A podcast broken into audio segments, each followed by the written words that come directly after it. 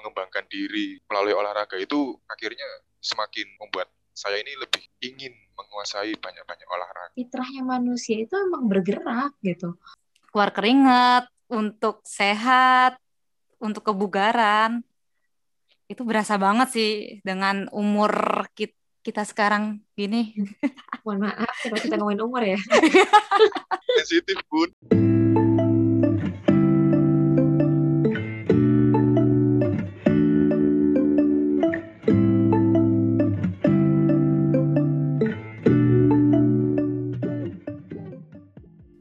Hai hoi.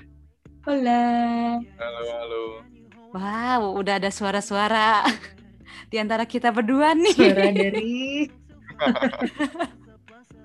Halo, selamat datang di podcast kita Seberkas Rasa. Hmm, kali ini kita ada tamu yang diundang, Bun. Iya dong, tamu diundang gimana sih? Nah, ya, Kak. Kalau nggak diundang, kalau ke podcast serem ya. bahaya. Udah kayak jelangkung. oh iya, Tapi ini diundang. oh iya diundang, diundang ya dong, diundang. Baiklah, langsung aja ini dikenalkan. Siapa namanya? Halo, saya Miki Dimas Abimanyu. Iya. Saya kebetulan satu bidang studi sama kakak-kakak di sini. Idi, satu bidang studi. Eh, kebetulan saya diundang di sini. Ah, diundang. Dipanggilnya Ya, biasanya kita- apa? Kan tadi kan namanya lengkap Oh tuh. iya, Mm-mm. Kita biar Ya, enak dipanggil- manggilnya apa? panggil Mas Miki aja. Waduh, Mas Miki. Oke. Oke, Mas Miki. Siap, Mbak Cynthia dan Mbak Ayu. Oh, udah. Udah kita udah kenalan ya. Kita udah Ya, kenalan. udah. Sudah.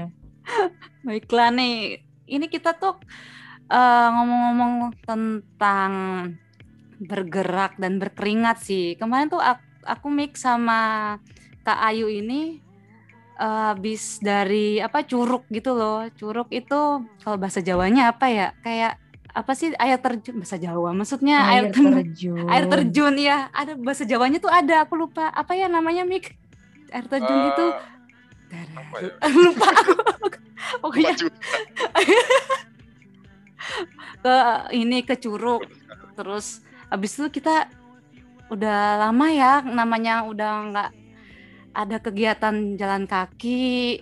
Ya kalau aku sih kuat-kuat aja ya kemarin ya naik sampai atas. Oh, maksudnya gitu. gimana nih? ini temen aku ini nih dia kayaknya eh, emang kurang bergerak dan berjalan nih karena ke, pas banget nih temanya kita berolahraga nah Itu ya, terakhir terakhir naik tuh maksud maksudnya gue bukan naik gunung yang hiking banget. Emang jalan naik ke Curug itu tuh terakhir tuh tahun 2000 berapa ya? tuh diingetin dulu. Dulu. 2012, 2012, 2013 habis itu tuh gak ada acara-acara begitu lagi. Ngap rasanya masya Allah. Parah banget emang. Sekali-kalinya langsung ah, hitung detak jantungnya wah lebih dari 120 kan daripada pada hafal kan? Ya mendingan stop. Kalian pergi saja udah. Nih ini si Miki juga. Mas Miki ini tuh kamu apa kamu tadi nggak ngenali nggak perkenalan yang lebih detail Miki kamu tuh asisten asisten apa gitu? Ya, kalau itu akan diperjelas lah ya. Untuk olahraga yang sekarang yang saya gemari, yang saya aktif di nimbrung di dalamnya itu ada banyak mbak, karena saya kan suka olahraga. oh iya Olahraga.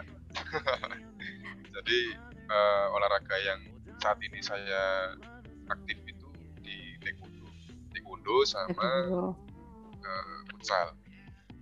oke juga ada karena dulu-dulu juga kan susah mbak ya karena kebanyakan suka olahraga kan kita jadi eh, selektif kita jadi harus pintar ngatur eh, apa yang harus diprioritaskan kalau orang-orang suka orang udah suka olahraga pasti kan eh, secara nggak langsung pikiran dan kegiatan kita itu merujuk ke sana. Pandangannya Hmm. udah bukan ke kesehatan lagi, udah udah nyari pengalaman, udah nyari prestasi dan lain-lain. Jadi prestisius. Oke, jadi kayak ada tambahan nilai bukan cuma masalah kesehatan tapi lebih ke eh, udah bukan gaya hidup lagi tapi lebih ke apa ya yang bisa kita kembangkan dari sana gitu ya.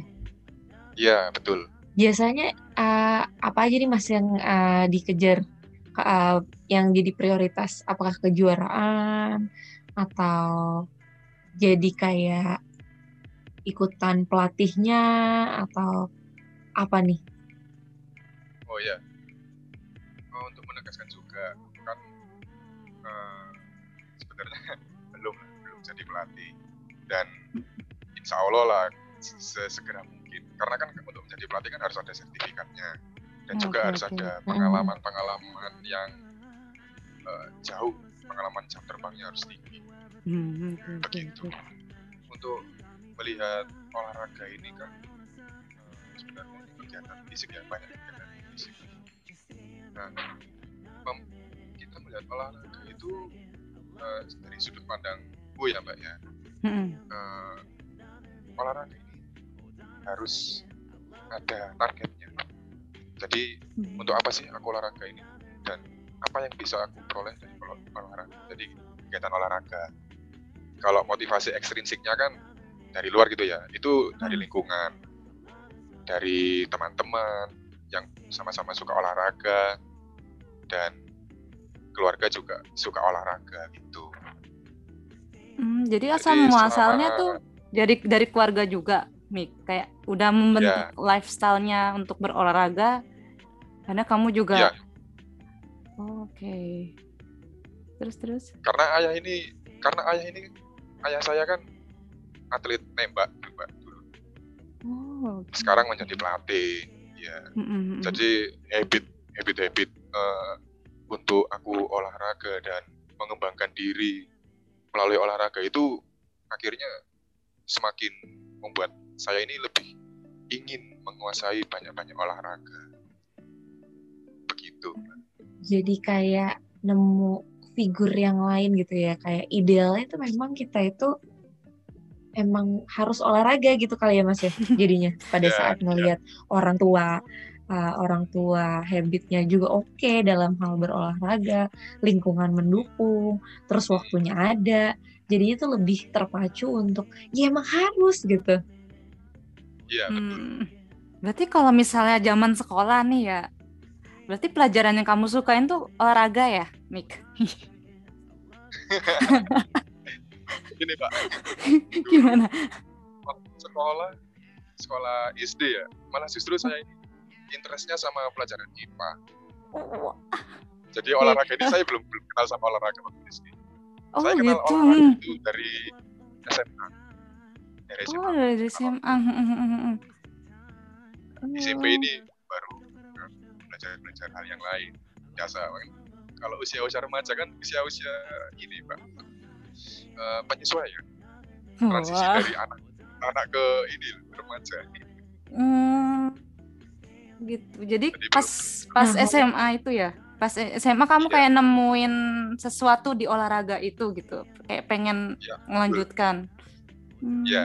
dulu itu kan waktu ngomong-ngomong SMA masa ya. remaja, ngomong-ngomong masa remaja, gimana sih pandangan Mas Miki soal remaja dan uh, olahraga sekarang kebutuhan bergeraknya bagaimana, terus ketertarikan mereka terhadap olahraga itu seperti apa sih? Ah ya mbak, menanggapi hal tersebut ya. Sebenarnya malah usia remaja itu usia-usia yang penting mbak untuk olahraga. Khususnya ya kalau di pengalaman saya itu malah cocok mereka itu masuk. eh, ini pengalaman saya ya mbak. Hmm. Waktu itu ikut sekolah sepak bola di sidoarjo. Lalu saya lihat kan eh, apa banyak di antara mereka ini tuh usianya belasan Mbak. usia-usia 13, 15 gitu waktu SMP itu menurut saya usia-usia yang ideal untuk olahraga apalagi eh, yang ingin ingin melanjutkan jenjang yang prestasi itu banyak sekali kategori-kategori untuk anak usia remaja Jadi uh, mungkin Mbak temukan di mana pun ya, selalu ada anak-anak remaja. Misalnya kayak klub sepak bola, ada Mm. U15, ada nah itu kan usia-usia mereka belajar Mbak. Memahami sesuatu yang sesuai dengan minatnya mereka. Mereka ya kayak saya mengutip sedikit dari teorinya Bandura, Bandura social learning. Nah, itu kan dari modeling ya. Lihat Mhm. lihat apa zaman-zamannya waktu hype-hype-nya sepak bola itu kan kayak ada Messi, ada Ronaldo, sebagian dari Hmm. mereka mbak waktu itu saya tanya kan "E, kamu ikut sepak bola karena apa ya karena saya ingin jadi Messi Wah. Messi-nya Indonesia secara nggak langsung dia kan seperti dia itu ini loh teori ya ini teori ini loh model ini ini loh panutan Messi kan pemain sepak bola top ya ya. Mm-mm. itu menjadi dijadikan panutan sebagian anak-anak remaja di di Indonesia yang ikut sepak bola juga sekolah sepak bola. Dengan mereka mengenali pemain idolanya mereka akan terus bergerak.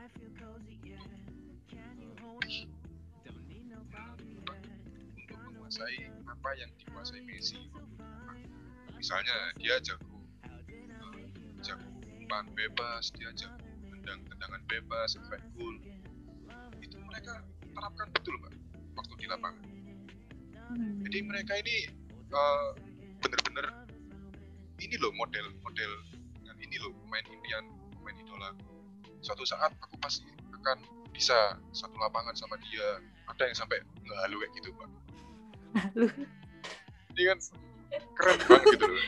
Tapi memang luar bi- luar biasa sih ke apa ya luar biasa kekuatan uh, figur positif itu gitu gimana Iya. kita Hmm. siapa yang kita idolakan yaitu sebenarnya walaupun walaupun ya entah kita bisa melampaui dia atau enggak tuh kita tuh pasti akan bergerak menuju ke arah paling enggak mendekati si sosok ideal kita punya sih Bener.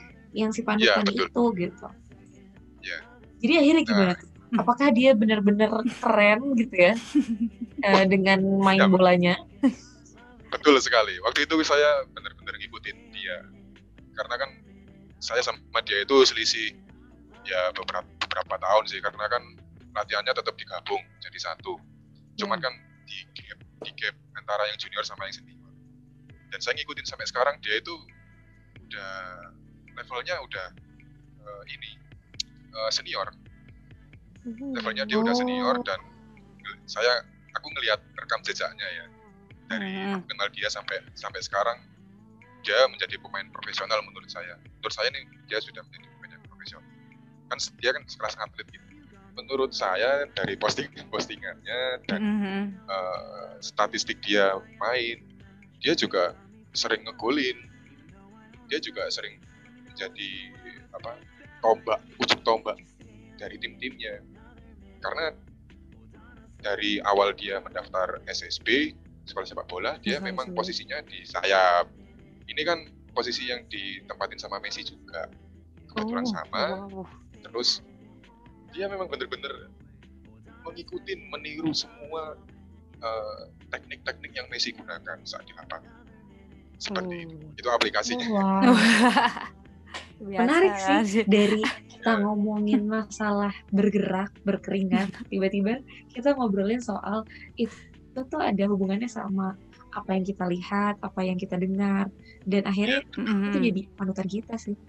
Enggak. Kalau kalau misalnya kan itu tadi satu ada yang bener-bener kayak menerapkan tuh olahraga olahraganya itu ya. Gimana cara dia kayak mempengaruhi ke teman-temannya gitu kan namanya remaja juga apa ya kalau satu satu pengen ini mereka juga ik- ikut-ikutan gitu apakah apa sekelilingnya dia juga kayak gitu juga pengen juga gitu nggak sih Mik? Ya mbak, secara nggak langsung itu kan akan membuat dia itu eh, motivasi teman-temannya mbak. Karena dia kan ujung tombak, dia juga kapten di timnya. Nah, Hmm. Ini secara nggak langsung, namanya juga kapten mbak. Kapten kan pasti akan memimpin jalannya tim. Bagaimana mereka, bagaimana dia mengatur rekan-rekannya agar bermain lebih efektif, kerja sama timnya lebih bagus, demi terciptanya banyak gol dan permainan yang menghibur. Ya saya yakin dia sudah melakukannya. Hmm. Dan kamu lihat kayak timnya juga jadi apa ya solid gitu ya? Betul. Nah mungkin saya bisa ngambil contoh yang lain, Pak. Gak usah Hmm. jauh-jauh yang akhir ini saya lakukan ya. Ini latihan apa taekwondo. Oke. Dari olahraga taekwondo ini kan olahraga keras, Pak. Banyak fisiknya. Apalagi adu fisik ini kan eh, sangat sangat membutuhkan mental yang baik kan. dan latihannya punya juga nggak main-main banyak fisiknya Mhm. juga dan kebanyakan dari mereka ini ada usia-usia remaja usia-usia remaja ini kan eh, usia-usia yang olahraga. Sebagai ya bisa eh, olahraga ini kan nanti bisa dijuruskan pak. Bisa nanti eh, orientasinya kepada rekreasi atau orientasinya ke prestasi. Nah kalau seusia-usia kayak aku gini yang udah senior-senior yang udah tua-tua mungkin lebih tepatnya ke rekreasi. Oh karena iya. kita nyari keringet kita nyari kita nyari keringet kita nyari eh, kesehatan juga kebugaran. Hmm, Oke. nah kalau yang remaja-remaja ini kan mereka harus gimana ya? Sebagian dari orang tua kan mungkin ya pasti ingin kan anaknya berprestasi lewat olahraga. Usia-usia remaja ini mbak yang menurut saya itu mereka itu mudah untuk dibentuk karena mereka senang belajar usia-usia sudah di sisi lain eh, ketika mereka ingin belajar difasilitasi. Di sisi lain memang mereka siap untuk belajar menguasai hal-hal baru untuk belajar hal-hal baru dalam dunia bela diri. Kalau eh, olahraga ini olahraga bela diri itu menurut menurut saya itu lebih banyak eh, ini teorinya Thorndike yang law of effect. Law of effect. nah itu kan. Eh law of exercise. Hukum latihan. Nah kalau kan gini ya kalau olahraga bela diri kan kita harus menguasai beberapa teknik misalnya tendangan Hmm. kalau kita ingin menguasai teknik tendangan, kita harus eh, berulang-ulang melakukannya. Kalau kita ingin bisa tendangan ini, berarti kita harus berulang-ulang melakukan seperti itu. Semakin banyak diulang, maka semakin besar peluangnya untuk eh, kita bisa menguasai tendangan seperti itu. Nah ini yang ditemukan Hmm. di anak-anak remaja yang saat ini latihan yang olahraganya olahraga bela diri. Ya, contohnya taekwondo itu, mbak. Keren sebenarnya kalau kita bisa lebih dekat dengan mereka Hmm. gitu. Lebih dekat dengan mereka itu remajanya atau olahraganya? Dua-duanya, Pak. Dua-duanya. Sebenarnya ya eh, ada eh, salah satu inspirasi gue gitu ya Sin, nih, Mm-mm. di mana dia bilang bahwa emang emang concern beliau ini sama sama kesehatan gitu. Dia bilang bahwa fitrahnya manusia itu emang bergerak gitu. Mau mau para remaja atau ya seusia kita bilang mager-mager, Iya, alias iya. males gerak, kita tuh punya kita tuh punya kebutuhan itu gitu. Mau nggak mau tuh pasti akan cari cara ya minimal jajan ke warung gitu kan. minimal tuh ada hal yang dilakukan gitu dan uh, akan lebih baik menyenangkan lagi ya tadi yang kayak Mas Miki bilang bahwa itu tuh diniatin itu jadi prioritas uh, kegiatan dan sebagainya. Kenapa? Karena memang kalau secara kesehatan dan kalau kita lihat gitu ya olahraga tuh ternyata ini sih emang ngelepas uh, ngelepas endorfin sama norepinefrin yang bikin Oh, kita iya, iya, relax, iya. yang bikin kita seneng, bahagia, dan akhirnya ibaratnya tuh kayak si dua dua zat ini kan apa ya keluar ketika kita dari dari fase kita tegang terus lama-lama langsung bes lepas gitu ya Iya, iya. relax langsung turun lagi yang kebutuhan agresi kebutuhan uh, bergerak banyak banget kebutuhan-kebutuhan kita yang ternyata bisa terpenuhi tuh sama olahraga. Karena itu Benar-benar. kadang-kadang kalau kita habis banyak gerak gitu ya atau olahraga yang memang terstruktur dan teratur itu ngantuk. Kenapa? Karena si norepinefrin sama si endorfin itu keluar. Kita relax jadi oh, udah deh gitu. Menyenangkan tuh sebenarnya Iya, kalau iya, kita iya. ngebahas tentang olahraga emang mau dari sisi orang ada nggak ya yang tertarik sama perolahragaan ini terus manfaatnya Hmm. apa dan sebenarnya banyak banget ya manfaatnya tadi kalau dibilang kerja tim kalau yang gue dengar terus Mhm, lalu mhm. kemudian ada lagi kita jadi bergerak ke arah positif lah ngikutin uh, figur figur yang kita idealkan gitu Iya idola benar-benar. kita ibaratnya terus tadi itu dapat lagi soal manajemen waktu prioritas Benar-benar. itu ternyata Iya. banyak banget yang bisa kita dapat tuh dari situ dari ceritanya Mas Niki luar biasa sih kalau gue bilang Iya benar-benar. Eh, kayak olahraga tuh benar-benar ya tadi ada yang rekreasi atau eh benar prestasi ya. Kalau mu- mungkin kalau menurut aku prestasi. ya. Kalau mungkin untuk aku sendiri beneran ya kayak yang Mas Miki bilang untuk keluar keringat, untuk sehat, untuk kebugaran. Itu berasa banget sih dengan umur kit- kita sekarang gini. mohon maaf kalau kita ngomongin umur ya sensitif bun Oke, Bun. Oke, Ya. tadi karena ada hal menarik itu, justru gue mau nanya nih sama Mas Vicky, siapa uh, sosok panutan yang akhirnya membuat Mas Miki ini tergerak gitu untuk menjadikan olahraga itu sebagai uh, prioritas kegiatan. Kalau tadi Ya. kan dibilangnya keluarga, nah, tapi kan Ya. kalau anak remaja tadi tuh ada yang bilang Messi gitu. Nah, Dari kalau Mas Miki tokohnya sendiri. yang Mm, ini olahraga atau bolanya ini pak kalau aja?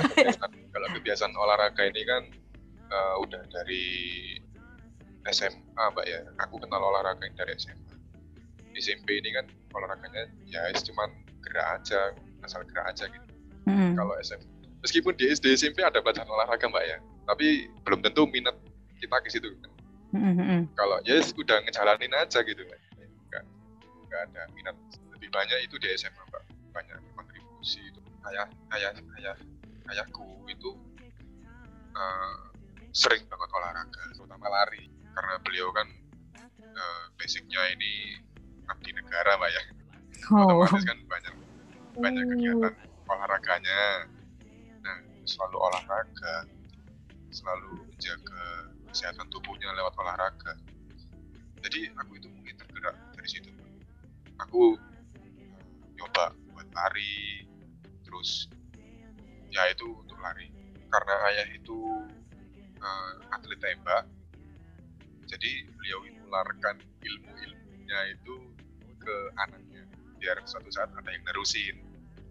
Nah karena kebetulan aku anak cowok dan aku seneng sama kegiatan olahraga seneng lihat ayah waktu itu nembak ya aku mulai belajar menembak waktu itu Pak.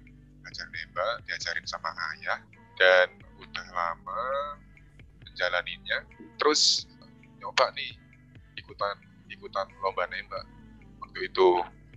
Ya kalah sih. Kalah. Tapi kan Mm, mm. saya jadi punya pengalaman dari situ mbak. Yang dari awalnya itu cuma lihat ayah nembak jadi ikut berpartisipasi juga dalam olahraga ini. Dan kebiasaan seperti itu aku terusin mbak.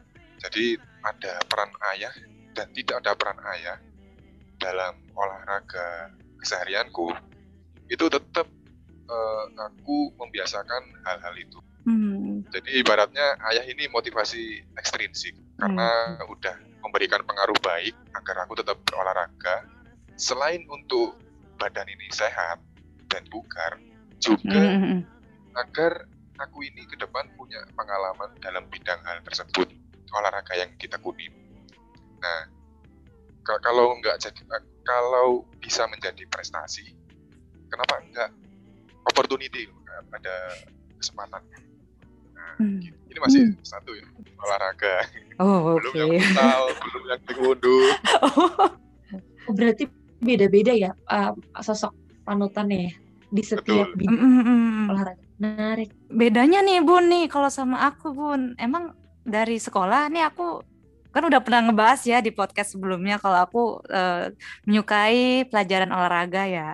Sampai lari, lari keliling lapangan tuh aku selalu juara pertama.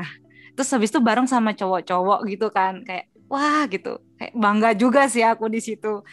Cuma di sini mungkin sosok ada nggak ada sosok yang kayak uh, untuk aku yang yang dilakukan oleh Mas Miki itu kayak ada sosok misalnya ayahnya. Kalau aku tuh kayak nggak ada sosok itu yang bikin aku untuk ada jalur ke prestasi.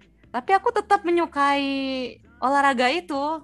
Mana ya? Ya gitu deh jadinya. Jadinya ya memang jalur rekreasi gitu kan ya. Iya, akhirnya jalur rekreasi. Yang harus ditempuh sebagai goal, sebagai memenuhi apa yang memenuhi tujuan hidup gitu. Tujuan Tapi hidup. itu sebagai bagian hidup. Beda kan? Oh iya, iya bagian. Bener-bener. Lurus ke sana, mm -mm. tapi kalau di bagian hidup itu bagian hidup itu harus tetap ada gitu gitu iya. kan. Co ya, co ya, contohnya tuh ada, Iya, contohnya kalau udah masuk di bagian hidup nih ya, tiap uh, weekend Sabtu Minggu tuh kayak gatel banget kayak aduh pengen keluar pengen lari pengen apa kek gitu. Kadang juga ngajak teman-teman eh ayo kayak ke GBK kayak lari-lari gitu. Nggak mau sih males. Udah biar aku aja yang lari kamu nggak usah. Jadi emang itu udah jadi bagian hidup ya bener-bener bener sosok itu juga kalau dari kamu sendiri bun olahraga tuh apa ya kamu kan bersepeda kan? Gue tuh pada dasarnya, gue tuh pada dasarnya sangat amat suka bergerak dan gue kan emang gak bisa diem kan ya. Iya benar benar. Ya kita tahu sendiri ya, apa pun dikerjakan kan. Sampai ini encok kan ya. Terus kan, nggak kelihatan aja gitu. Dan justru kalau nggak bergerak tuh rasanya emang gak enak. Kalau dari kecil, tapi justru kalau dilihat dari grafiknya gue menurun tuh kalau untuk urusan olahraga bukan di usia di usia segini bukannya malah naik gitu ya nurun malah di mulai SMP. Uh, SD tuh semua dijabanin gitu kan. Ya senam, ya basket, ya tapi nggak nyampe bela diri gitu ya. Bukan olahraga bela diri yang emang gue paling senang memang olahraga olahraga yang berkelompok yang punya tim. Kalau zaman dulu tuh ada kasti, terus Ya, ada yang lebih zaman Oh, dulu iya, iya, namanya iya. bola bakar, bola bakar Hmm. kan yang di Ya, ya. pokoknya itu yang emang gebok. olahraga fisik satu tim gue lebih suka kayak gitu dibandingkan jogging malah arti jogging hanya sendirian kan terus Masuk. semakin ke sini melihat ternyata eh, terkesan gue nggak suka apa yang gue lakukan itu menjadi hal barang yang eksklusif sih. Poinnya itu sih. Hmm. kayak misalkan kita SMP tuh wah gaul banget deh kalau lu udah bisa jadi anak basket gitu kan ibaratnya. Ya, ya. gue gak suka kayak gitu. Gue lebih suka sesuatu yang berkelompok tapi tidak terlalu eksklusif dan apa ya rasa bebas aja. Dan akhirnya tuh emang dulu tuh badminton voli semua dah apa aja dikerjain gitu. Yang penting olahraga aja. Jadi Bergerak. bagian hidup. Iya iya iya tidak menjadi tujuan hidup tapi itu jadi bagian hidup aja. Nah semakin ke sini ternyata nemuin banyak teman-teman yang nggak terlalu suka bergerak kan akhirnya baru mulai. What? lari dari gitu kan. Jogging terus sepedaan yang emang bisa nikmatin sendiri aja. Nggak mungkin dong kita kasti sendirian. Mukul sendiri. Gebok sendiri. Kan kamu Ngeri banget. lari ke base sendiri kan aneh gitu kan walaupun kalau ditanya kangen nggak? Kangen banget untuk kayak gitu. Kangen banget. Wah, wah, wah. Nostalgia. Is. iya. Kalau panutan positif nggak ada. Karena itu ya jadi bagian hidup Jadi emang emang beda kali, eh, emang buka- bukan kali lagi dari pembahasan kita. Oh, berolahraga jalur rekreasi sama jalur prestasi beda ya. Kayak masuk apa ya masuk perkuliahan jalurnya tuh beda. Kalau SNMPTN atau jalur mandiri gitu Iya. kan kalau yang diceritain sama Mas Miki nih yang pro banget gitu, profesional. Apalah kita cuma eh, lari-lari jalan-jalan ke curug gitu kan. gue sih kayak gitu apa pun itu gue udah senang Kalau Mas Miki. Jadi bagian ya karena kan beda. gue benar-benar merasakan tidak bergerak tuh badan tuh ya Allah nggak enak banget nih kayak sekarang nih kerja gitu ya. Kemarin tuh dari dari udah dari uh, dua hari lalu tuh duduk aja gitu kan emang ngejar deadline. Biasanya tuh jalan gitu paling enggak tuh kalau emang nggak bisa jalan keluar jalan setengah jam di di rumah muter-muter aja setengah jam mm -hmm. gitu itu berasa nih sampai sampai rasa tulang ekor aduh sakit banget kebanyakan duduk gitu ya malamnya seperti tadi kita bilang umur kan ya si muda ya, ya. kalau menurut Mas Miki nih kalau misalnya teman-teman yang istilahnya yang males bergerak, males berolahraga itu tanggapan Mas Miki atau uh, apa yang bakal Mas Miki lakukan ke mereka gitu? Ya, sebelumnya uh, kita harus tahu dulu apa sih alasan kita itu untuk olahraga. Balik lagi kan hmm. dari motivasinya. Penggerak atau pendorong kita untuk melakukan sesuatu kita itu apa gitu loh.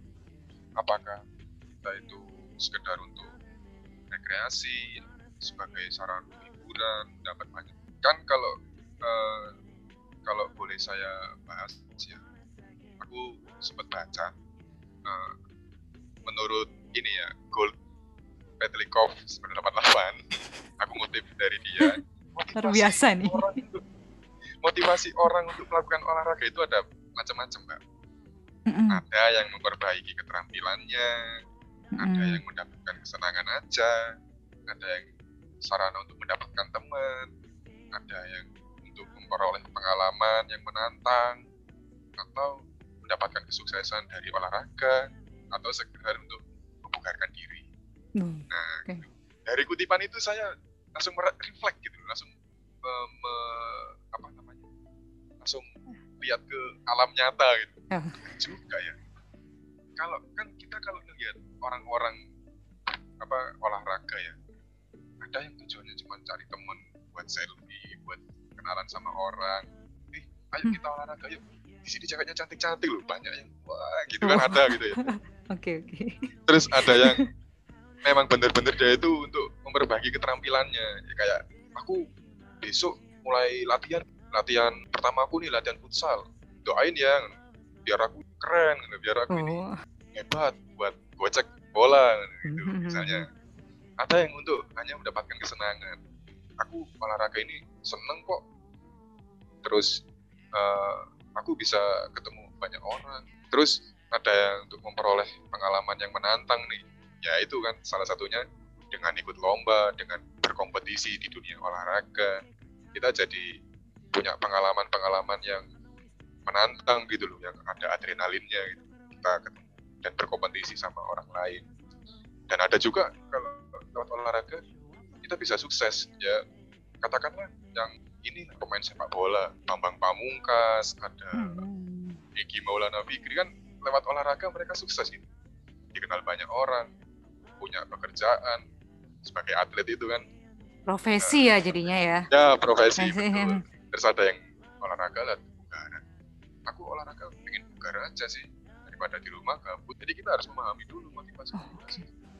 nah, dari dirinya ini dengan kita memahami motivasinya jadi kita tahu arah arah dia orientasi dia olahraga ini mau ke mana. Jadi yang kalau menurutku motivasi ini dua ada yang sesuai arahnya apakah seseorang itu uh, mencari atau tertarik sama situasi tertentu nih. Misalnya ya tadi yang saya bilang seseorang itu tertarik melakukan olahraga ingin menguasai olahraga inilah tenis atau apa pun badminton gitu. Mm-hmm. atau yang uh, lebih ke intensitasnya. Jadi memang dia itu sungguh-sungguh dalam melakukan olahraga misalnya dalam intensitas ini sungguh-sungguh yang sungguh-sungguh itu atlet misalnya ya atlet itu berlatih lima kali dalam seminggu tapi dia latihannya nggak serius ele-elean kita harus tahu. Dan yang paling menurutku ini yang paling menunjukkan minat dari luar itu sosial media pak itu pengaruhnya oh. kuat banget.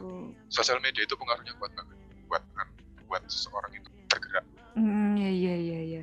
Kayak ini ya apa orang bersepeda. Jadi orang nah. pada lata. Orang pada uh, beli sepeda terus ke sepeda. Terus habis itu ya, betul. banyak. Banyak lah pokoknya kayak malam-malam. Sumpah waktu itu ngelihat di jalanan Surabaya tuh di Tunjungan.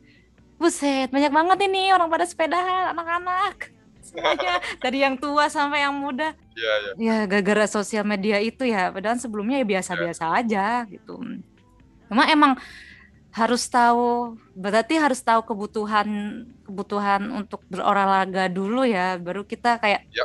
ya udah maksudnya dia tuh butuhnya olahraga tuh untuk apa jadi kita juga nggak yang tahu alasan dia berolahraga tuh apa gitu Betul sekali. Nanti tinggal diarahin aja lah.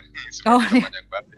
Oke diarahin Jadi dia bisa mengembangkan potensi yang dia miliki. mantap mantap gimana Ya itu sih, gue sih berarti ada banyak hal yang bisa gue rangkum gak cuma satu, tapi dua atau tiga gitu ya, banyak banget. Yang pertama bahwa kita perlu ngelis dulu kebutuhan kita apa, supaya kita tahu nih ke arah mana kita harus berjalan dan melangkah. Betul sekali. Apakah untuk apa namanya untuk rekreasi atau untuk prestasi. Nanti dari sana seberapa jauh kita seriusinnya dan seberapa keras effort yang kita keluarkan bisa diukur dari sana. Terus paling enggak tuh kita punya sosok positif. Nah ini nih yang jadi notes buat gue sisin bahwa Hmm, kan kita punya keponakan ya bagaimana membuat mereka itu uh, semakin terasa dengan uh, bergerak ini paling enggak ya. Kalau ya gue ya sih nggak mau memaksakan mereka untuk harus suka sama A, harus suka sama B, enggak. Tapi gue pengen jadi pengen ngebangun image bahwa olahraga tuh menyenangkan dulu sih. oh Supaya penting penting Oh, supaya mereka tuh oh ternyata olahraga menyenangkan. Dan itu sih alhamdulillahnya udah dimulai dengan misalkan kalau mereka lagi ada pelajaran badminton gitu ya. Ayo kita janjian hari Minggu pagi gitu. Ya meskipun dramanya adalah hah teman pagi hari Minggu gitu ya. pasti pasti pasti Tetap jadi jadi diri yang bisa ngasih panutan positif sih bagi bagi orang-orang di sekitar itu yang kedua. Terus ada lagi bahwa ada banyak manfaat yang bisa kita ambil. Yang pertama itu tadi yang gue udah sebutin lah Mm-mm. kayak misalkan kita itu bisa membuat olahraga ini jadi hal yang uh, prioritas sehingga bisa jadi profesi. Lalu kemudian bisa ngatur waktu ngatur prioritas terus uh, jadi lebih terasah lagi gitu ya kemampuan dan keterampilannya banyak banget deh. Itu sih Sin, yang bisa gue ambil. Kalau dari lu apa sih gue ya? Apa ya? Kebiasaan. Merasa sudah diambil sem- Itu, semua iya makanya makanya gimana ya kalau untuk aku sendiri berolahraga karena emang aku menyukai hal yang bergerak. Nggak olahraga aja sih bergerak ya. Dengan dengan apa obrolan obrolan ini tuh eh, semakin lebih paham sih kalau berolahraga itu sungguh sungguh baik manfaatnya gitu. Nggak tahu kalau- kalau berlebihan pun juga hati-hati. Kayak harus disesuaikan dengan kondisi badan kita dan kita nggak boleh maksain ya. Terus apalagi ya guys? Mohon maaf jadi ambil cek toko sebelah. Apalagi, apalagi ini eh, tamu tamu kita ini Mas Miki juga makasih juga sih kayak udah memberikan pengetahuan untuk eh, aku dan Mbak Ayu dan yang mendengarkan juga kan. Insya Allah ada yang dengerin ya. Ada ya? Ada nggak yang dengerin? Insya Allah. Insya Allah. Tuhan maha mendengarkan. Saya juga dengar itu. oh iya. Nah yang terakhir. Ini dari Mas Miki. Coba eh, hal-hal yang pengen disampaikan. Bukan untuk yang terakhir ya. Kan kayak- kayaknya serem banget ya untuk kata-kata terakhir. dua patah kata Iya, kata. Sepatah dua patah kata asal jangan patah-patah ya nggak? Dari aku sih simpel aja. Gladiator ya, dia bilang, what we do in life equals in eternity. Apa yang kita lakukan akan menggema dalam keabadi. Kalau kita mencintai sesuatu, kita lakukan. Maka senantiasa semua akan mengikuti. Hmm, itu kalau kata itu Kalau kita suka apa yang kita lakukan kan, kita pasti akan bahagia gitu loh. Mbak. Ya enggak? iya bener Kita akan bahagia bahagia. Dengan olahraga.